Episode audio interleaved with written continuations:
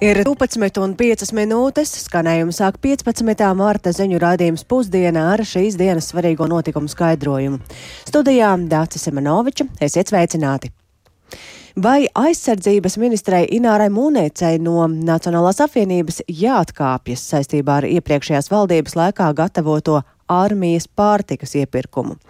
To prasīja divu saimas opozīcijas frakciju deputāti, un ministrs savukārt uzsver, ka neilgi pēc stāšanās amatā uzzinot par šo iepirkumu pati ir rosinājusi pārbaudas un gaida tiesību sargājošo iestāžu darbu. Šodien par mūrnieces demisijas pieprasījumu lēma arī saimas ārkārtas sēdē, tā pirms dažām minūtēm ir beigusies, un demisijas pieprasījums ir noraidīts. Sēdē sekoja līdzi arī kolēģis Jānis Kīncis, kurš man šobrīd pievienojas tiešraidē. Sveiks, Jāni! Sveika, Dārts! Sveicināti klausītāji! Jā, saimnes deputāti šorīt bija pulcējušies ārkārtas sēdē, jo frakciju Latvija pirmajā vietā un stabilitātē deputāti prasīja aizsardzības ministrs Ināras Mūrnieces atbildību par iepriekšējā ministra Arta Pabrika Latvijas attīstībai pārstāvja laikā īstenoto aizsardzības ministrijas 220 miljonu eiro, eiro vērto pārtikas iepirkumu par pārtikas sagādi un ēdināšanu Nacionālajos bruņotajos spēkos. Uh, iepriekš jau vairāk kārt izskanējis, ka šajā Šajā iepirkumā izraudzīts ēdināšanas uzņēmums Zīteri ZL, bet radušās aizdomas par tā iespējām īstenot pārtiks produktu sagādi, loģistiku. Lai arī ministrijas darbinieki ārpus iepirkuma komisijas nevarēja iejaukties tās darbā un lēmumos, saimnes opozīcijas deputāts Ainārs Šlesers no Latvijas pirmajā vietā vērsa uzmanību uz aizsardzības ministrijas valsts sekretāra Jāņa Garisona atbildību. Debatēs arī izskanēja, ka šī iepirkuma komisijā darbojies ministras partijas biedrs Ēriks Ezeriņš. Savukārt Armāns Kraus no Zaļo zemnieku savienības frakcijas novērtēja, ka no ministras sagaida izlēmīgumu, bet šobrīd neredz pamatu viņas atbildības prasīšanai. Paklausīsimies abu deputātu teikto.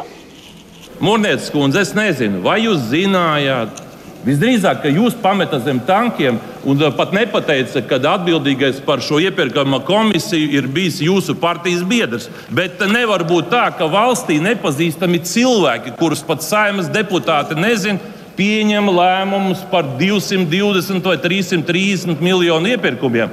Un vēl viena lieta, bet ko ir darījis Garisons, valsts sekretārs šajā laikā, kurš nav mainījies? Jā, valdībai saskaitīja laikam 90. dienu, vēl 100 dienas nav pagājušas. Ja. Un, un, citu, tas ir iemesls, kāpēc mēs arī demisiju nebalsosim par. Mēs tomēr ceram un uzticamies un uh, dodam tādu uzticības kredītu, ka Mūrnieces kundze tiks galā ar Garisonu. Un es teiktu, ka arī atbildība jāuzņemās tomēr arī Nacionālo bruņoto spēku komandieriem. Šajā sēdē aizsardzības ministra Ināra Mūrniece atkārtoja jau iepriekš teikto, ka iespējami ātri ir cēlus gaismā ar iepirkumu saistītās nebūšanas, ir gan sāktas pārbaudas, gan arī informētas tiesību sargājošās iestādes. Ministra uzsvēra, ka iepirkums organizēts viņas priekšgājēja Arta Pabrika laikā, un ne tagadējā ministre, ne arī valsts sekretārs Jānis Garisons iepirkumu līgumu neparakstīja. Paklausīsimies arī Ināras Mūrnieces teikto par noskaidrojumiem aspektiem šajā lietā. Pirmkārt, iepērkot loģistikas pakalpojumu, visas armijas apgāde ar pārtikas produktiem, tika vērtēta nevis pretendentu pieredze loģistikas, transporta un noliktavu pieejamībā, nu, bet nes kāpēc pieredze ēdināšanas jomā. Kā to izskaidrot? Labs jautājums. Ceru, ka palīdzēs uz to atbildes rast dienesta pārbaude, kas ir jau daudz nopietnāka. Kliedzošākais pārkāpums saistīts ar šī iepirkuma plānoto līguma summu. Respektīvi 220 miljoniem eiro, kas potenciāli var pāraugt 330. Nu, kādā veidā no sākotnējiem 8 miljoniem eiro varēja nokļūt pie šīm summām, te jau ļoti nopietni būtu jāstrādā tiesību sargājošajām iestādēm. Šai sēdē noslēdzoties par mūrnieces demisijas pieprasījumu nobalsoja 19 deputāti no frakcijām, kuras arī inicijēja šo ārkārtas sēdi. Savukārt pret bija 55 un atturējās 14 deputāti. Jā, tad saistībā ar šo skandalozo gadījumu no aizsardzības ministrijas šobrīd tiek gaidīti dienesta pārbaudas secinājumi. Un vienlaikus ministrijā plānots arī veidot iekšējās drošības biroju ar operatīvās izziņas tiesībām. Tātad eh, tādējādi arī tiek domāts, kā līdzīgas epizodes nepieļaut arī nākotnē. Paldies tev! Tātad, um, tas bija Jānis Kīncis ar skaidrojumu no sēdes, kur opozīcijas pieprasījums par aizsardzības ministrs Mūnietes demisiju ir noraidīts. Cik liels varētu būt skolotāja protesta gājiens, kāds varētu būt tā maršruts un kādas organizācijas tajā varētu piedalīties? Par to tieši šobrīd spriež Izglītības un zinātnes darbinieku arotbiedrības padome, kas nav guvusi valdības atbalstu visos jautājumos par pedagoģu algām, un jāatgādina, ka arotbiedrība deva laiku līdz šodienai, lai prasības regulējumā tiktu iestrādātas, pretējā gadījumā solot 24. aprīlī ar protesta gājienu sākt visas Latvijas pedagoģu streiku. Premjer Premjeras Krišjānis Kariņš no jaunās vienotības gan kolēģiem no Latvijas televīzijas šorīt ir izteicies, ka iespējamais pedagoģu arotbiedrību streiks neko nemainīs, jo vairāk naudas tam neradīsies. Viņš redz divus ceļus, kā iegūt lielāku finansējumu pedagoģu algām. Viens ir sakārtot skolu tīklu, otrs no programmām, kura finansējums netiks apgūts, bet tā kā ir tikai gada sākums, tad par to vēl arī nav skaidrības, cik un vai tādas programmas būs. Tāpēc Kariņš uzskata, ka pedagoģi ir nostājušies pozā. Nekādas pārmaiņas, tikai dodiet vairāk naudas. Tikmēr diskusijas par Latvijas skolu tīkla optimizāciju, kas varētu noslaucīt no kārtas pat divas trešdaļas mazo lauku skolu, turpinās. Smiltenes novada drustu skola, ko 1937. gadā uzcēla par vietējo iedzīvotāju naudu, jau tagad ir Raunas pamatskolas struktūra vienība. Divus gadus skolēni daļēji vadāti mācīties uz Rauna, tikmēr bērnu skaits arvien samazinājās. Novada attīstības stratēģija paredz nākamgad drustos saglabāt tikai pirmsskolu. Un lūk, skolotāji teiktais, kā uz šo ziņu reaģēja drustos. Tādi nu, lieli protesti un klaigāšana nebija. Man liekas, arī, ka lauku skolas ir nogurušas un mākslīgi vājināts ar šo slēgšanas tēmu. Cik var mocīt? Nu, tev gadu no gadiem, un cik tagad pagājuši gadi, kad jau teica, jau, ka kaut kas jau ka kaut ko aizslēdz. Tas jau arī nomoka tās mazās skolas, jo beidzās gads. Tā visi tā simtprocentīgi nezina, ka arī septembrī tiešām atvērsies, un ka tev tajā 8. vai 9. klasē, ja tev tas bērns ies, vai viņam būs tā skola vai nebūs. Jā, jo tas ir kurā mirklis laika tā nezinu. Jā, un vairāk par drustu skolas likteni arī redzījumā pēcpusdiena. Iespējams, ka arī Latvijā daļu komercbanku peļņas varētu novirzīt valsts aizsardzības vajadzībām, līdzīgi kā tas ir plānots Lietuvā, kur ir izskanējusi iecer ieviest jaunu pagaidu nodokli banku peļņai. Finanšu ministrs Ārvils Ašarādens no jaunās vienotības Latvijas radio šorīt atzina, ka ir paredzējis nākamnedēļ par šo ideju koalīcijā rosināt diskusiju, bet vairāk par to, kādas būtu iespējas šādu ideju īstenot, ir interesējusies kolēģi Zana Eniņa, kura pievienojas studijās. Sveika, Zana! Labdien! Sākumā izstāstīšu, kas tad briest Lietuvā. Un mūsu kaimiņu valstī eh, Finanšu ministrija un Centrālā banka ir sagatavojusi priekšlikumu par jaunu nodokli Komercbanku peļņai, jo saskatījusi iespēju tādā veidā papildināt valsts budžetu.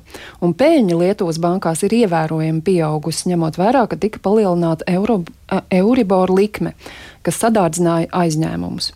Un, proti, ja līdz šim Komercbanka peļņa Lietuvā gadā ir bijusi ap 300 miljoniem eiro, prognozes par šo un nākamo gadu liecina, ka tā varētu būt vismaz trīsreiz lielāka un pat sasniegt miljardu eiro gadā. Plānotais nodoklis, kas Lietuvā jau nodēvēts par solidaritātes nodevu un būtu spēkā divus gadus, attiektos uz to banku tīrās peļņas daļu, kas par vairāk nekā 50% pārsniegtu pēdējo četru gadu vidējo peļņu.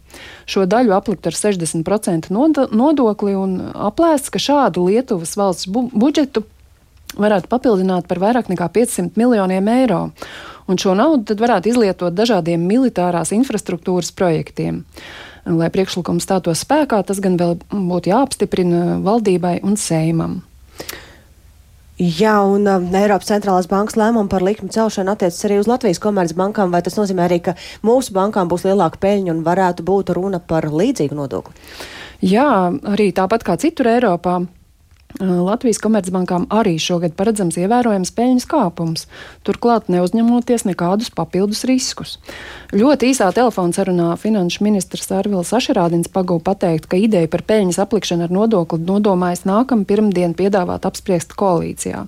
Savukārt Latvijas bankas pētniecības daļas vadītājs Kārlis Vilerts pastāstīja, ka jau gadus divus, trīs ar komercbankām ritot sarunas par citiem veidiem, kā tās varētu izrādīt pretimnākšanu iedzīvotājiem. Paklausīsimies, ko teica Kārlis Vilerts.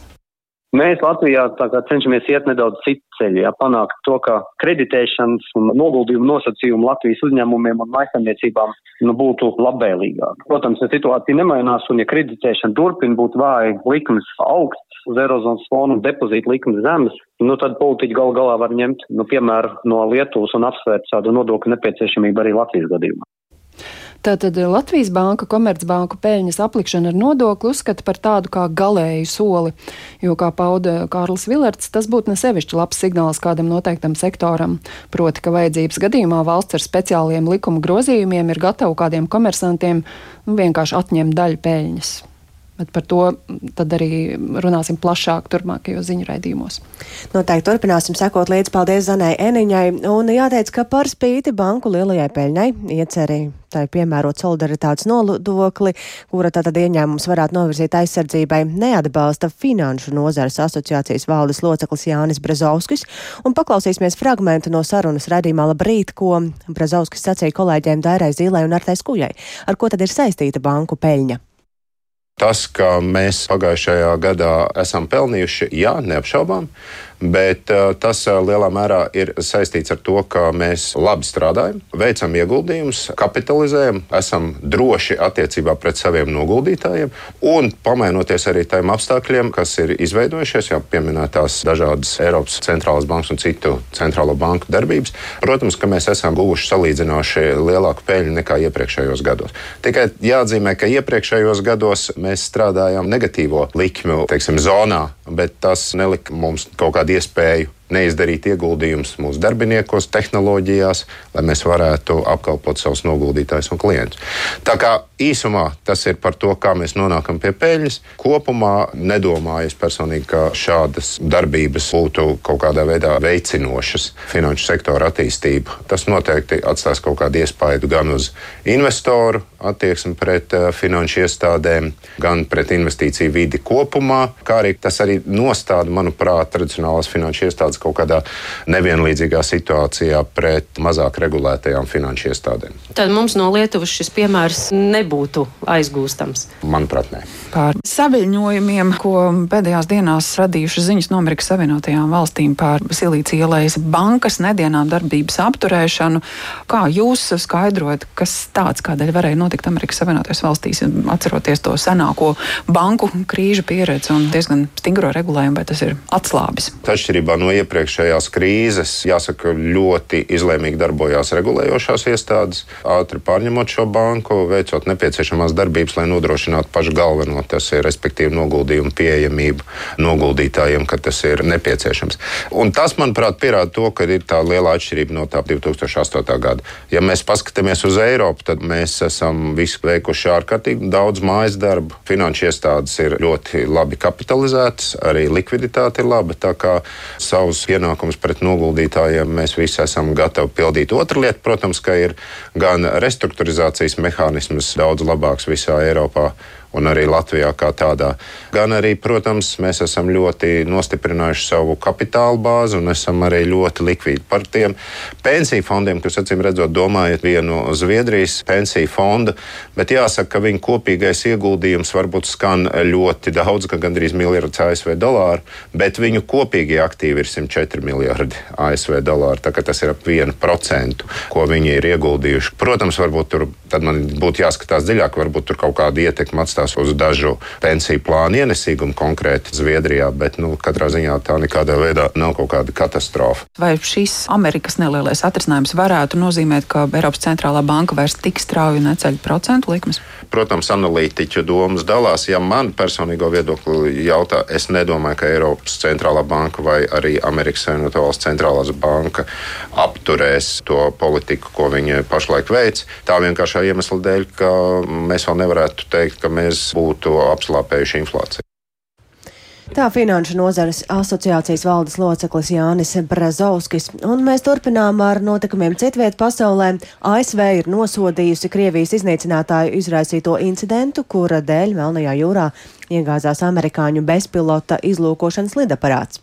Militārs incidents starp Krieviju un ASV ir noticis pirmo reizi kopš Krievijas pilna apmēra iebrukuma Ukrainā, taču maz ticams, ka tas varētu eskalēties plašākā konfliktā, un vairāk par to zina stāstīt kolēģis Ulris Česbergs, kurš pievienojas studijā. Tātad, kas ir zināms par šo incidentu? Jā, ASV amatpersonas apgalvo, ka vakar no rīta divi Krievijas eh, gaisa spēku iznīcinātāji Su-27 pārtvēra un eh, arī taranēja ASV bezpilota izlūkošanas lidaparātu MQ-9 Reaper, kas eh, pārvietojās starptautiskajā gaisa telpā virs Melnās jūras.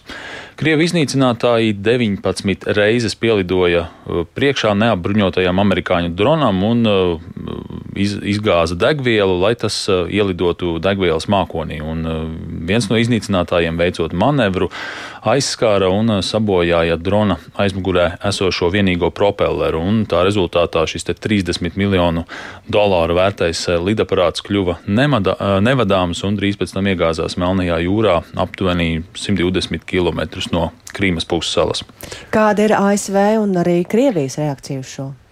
Jā, ASV aizsardzības departamenta pārstāvis Pēc Raiders sacīja, ka šis, eh, šī ir bijusi atklāta provokācija no Krievijas puses, bet eh, Krievu piloti ir rīkojušies pārgalvīgi un eh, klāji neprofesionāli. Un paklausīsimies Raidera teiktajā.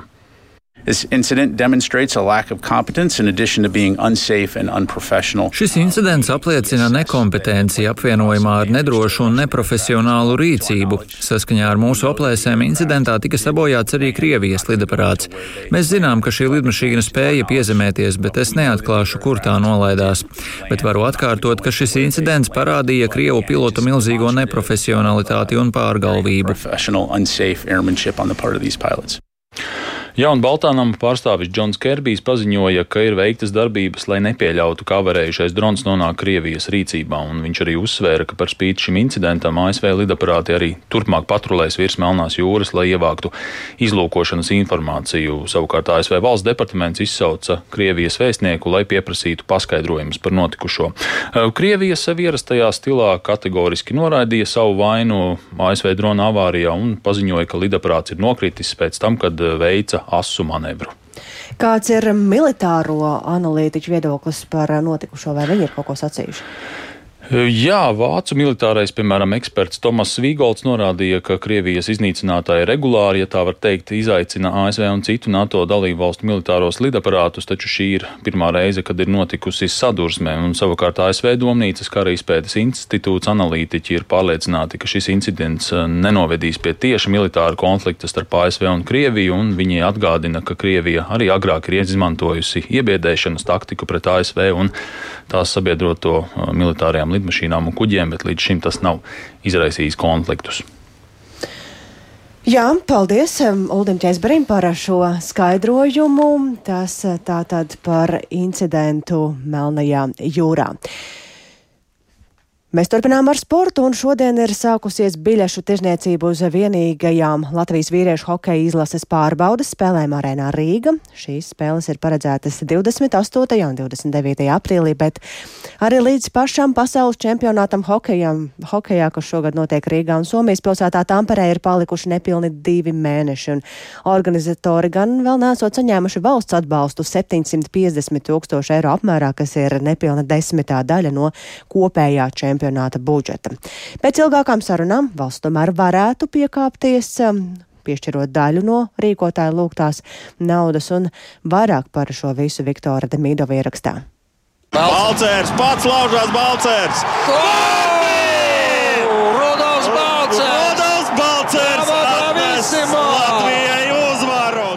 Līdz fanu pilnām tribīnēm, dziesmām un atklāšanas spēlei, kuru līdzīga kā iepriekšējos pasaules čempionāta elites grupas mačus, plāno translēt kolēģi no Latvijas televīzijas, palikušas astoņas nedēļas. Tagad atrodos pie Halles arēna Rīga, kur maijā uz ledus kāps astoņas no 16 valstu komandām. Apstaigājot teritoriju, var manīt, ka pasaules mēroga sacensībām šeit jau sāk gatavoties. Savukārt citviet Rīgā gaidāmo sacensību noskaņa nav jūtama. Tikai atsevišķās vietās ir reklāmas ar aicinājumu iegādāties uz spēlēm biļetes.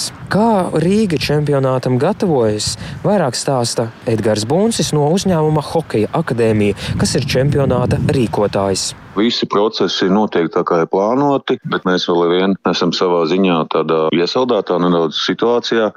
Atbalsts vēl nav. Uzņēmums valstī lūdzis vismaz 750 tūkstošus eiro, no kuriem pusmiljons būtu licencei un 250 tūkstoši kongresam, kas plānots čempionāta nogalē. Buncis norāda, ka Rīgā sacīkšu norisei kopumā plānots atvēlēt 8 miljonus eiro. Sanāk, ka no budžeta organizētāji valstī lūdz nepilnu desmito daļu. Bez valsts atbalsta mēs riskējam vairāk ar to, ka čempionātu vienkārši biļetes mēs nepārdosim. Man ir sajūta, ka mēs esam ripu pagaidām pazaudējuši. Mēs it kā gribam spēlēt hokeju, bet ripu mums ir kaut kur tribīnēs. Startautiskā ledus hokeja federācija Latvijai un Somijai tiesības rīkot sacensības piešķīrusi pērn maijā, kad tās atņēma Krievijai par sākto karu Ukrainā. Sākotnēji Latvijas hokeja federācija norādīja, ka nauda no valsts nav vajadzīga, bet jūlijā lūdza piešķirt 2 miljonus eiro. Summa vēlāk sarukusi. Ja paraugās uz citām plaša mēroga sacensībām, tad, piemēram, Eiropas čempionātam basketbolā, kas Rīgā gaidāms pēc diviem gadiem, valsts jau ir piešķīrusi 2,7 miljonus eiro. Bet šī gada Eiropas rallija čempionāta posmam un nākamā gada pasaules rallija sacensībām valdība jau ir atvēlējusi 400 tūkstošus eiro. Abiem pasākumiem tuvāko gadu laikā valsts iespējams atvēlēs vēl vairākus miljonus eiro. Kāpēc nauda nav piešķirta hokeja čempionātam, skaidro Izglītības un zinātnes ministrijas sporta departamenta direktors Edgars Severs. Šajos divos pasākumos, Eirobasketa un VRC gadījumā, organizatori pašā sākumā, vēršoties pie Latvijas valdības, jau uzreiz teica, ka ir iespēja un ir plāns kandidēt uz šo pasākumu rīkošanu. Vienlaikus arī tika godīgi arī pateikts, ka šie pasākumi bez valsts līdzfinansējuma Latvijā notikt nevar. Tie ir būtiski atšķirīgi apstākļi, kā Hokeja federācija kandidēja. Valsts finansējums nav nepieciešams, un pēkšņi pēc nepilniem diviem mēnešiem Hokeja federācija jūlijā atsūtīja vēstuli, dodiet mums 2 miljonu 50 tūkstoši. Un to jau bija par vēlu darīt, jā, tad respektīvi to vajadzēja jau sākt. Nevis par vēlu, bet tā ir negodīga spēle pret valsts nodokļu maksātājiem kopumā, ja mēs skatāmies. Uz organizētāju un valsts attiecībām skeptiski raugās sporta žurnālists Jānis Matulis, norādot, ka naudu valsts nesteidzas piešķirt politisku apsvērumu dēļ. Ierēģi labprāt nedara neko, lai tik nedod Dievs viņu mundieris nesašmucētos. Un atbalstot hokeju, protams, kas sašmucējas, jo vienīgais Latvijas čekists Juris Savickis ir uzcēlis un viņam pieder halle, kurā notiks čempionāts. Visu to organizē tautas ienaidnieks Aigars Kalvītis. Tad vēl ir hokeisti nepietiekami skaļi izteikuši savu atbalstu Ukrainai.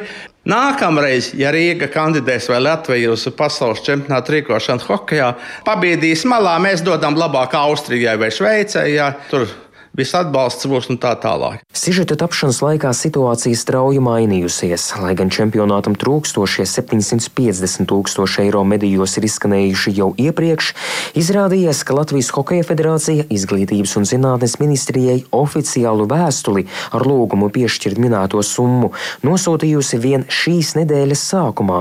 Uz to ātri reaģējusi ministre Anna Čakša no jaunās vienotības, kura nākamajā nedēļā rosināšot Latvijas Nacionālo sporta sporta padomi finansējumu atbalstīt. Redzot, ka tas ir ļoti nozīmīgs notikums Latvijas dzīvē, es redzu šobrīd virzot, ka mums ir svarīgi, ka mēs finansējam licences daļu. Lūgums par licences samaksu ir 500 tūkstošu apmērā. Tā būtu tā maksimālā summa, ko mēs varētu atbalstīt. Savukārt ar Rīgas domu rīkotājiem klājies krietni raitāk.